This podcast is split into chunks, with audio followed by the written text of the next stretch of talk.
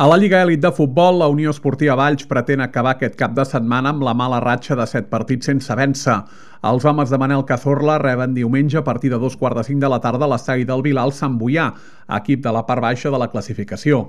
Els ballencs que venen de perdre la setmana passada al camp del Rubí es troben a dos punts de la zona de promoció d'ascens a tercera ref i a sis dels llocs de descens.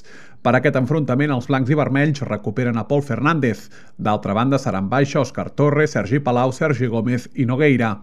El maig entre la UE Valls i el Sant Boià es podrà seguir en directe per Ràdio Ciutat de Valls.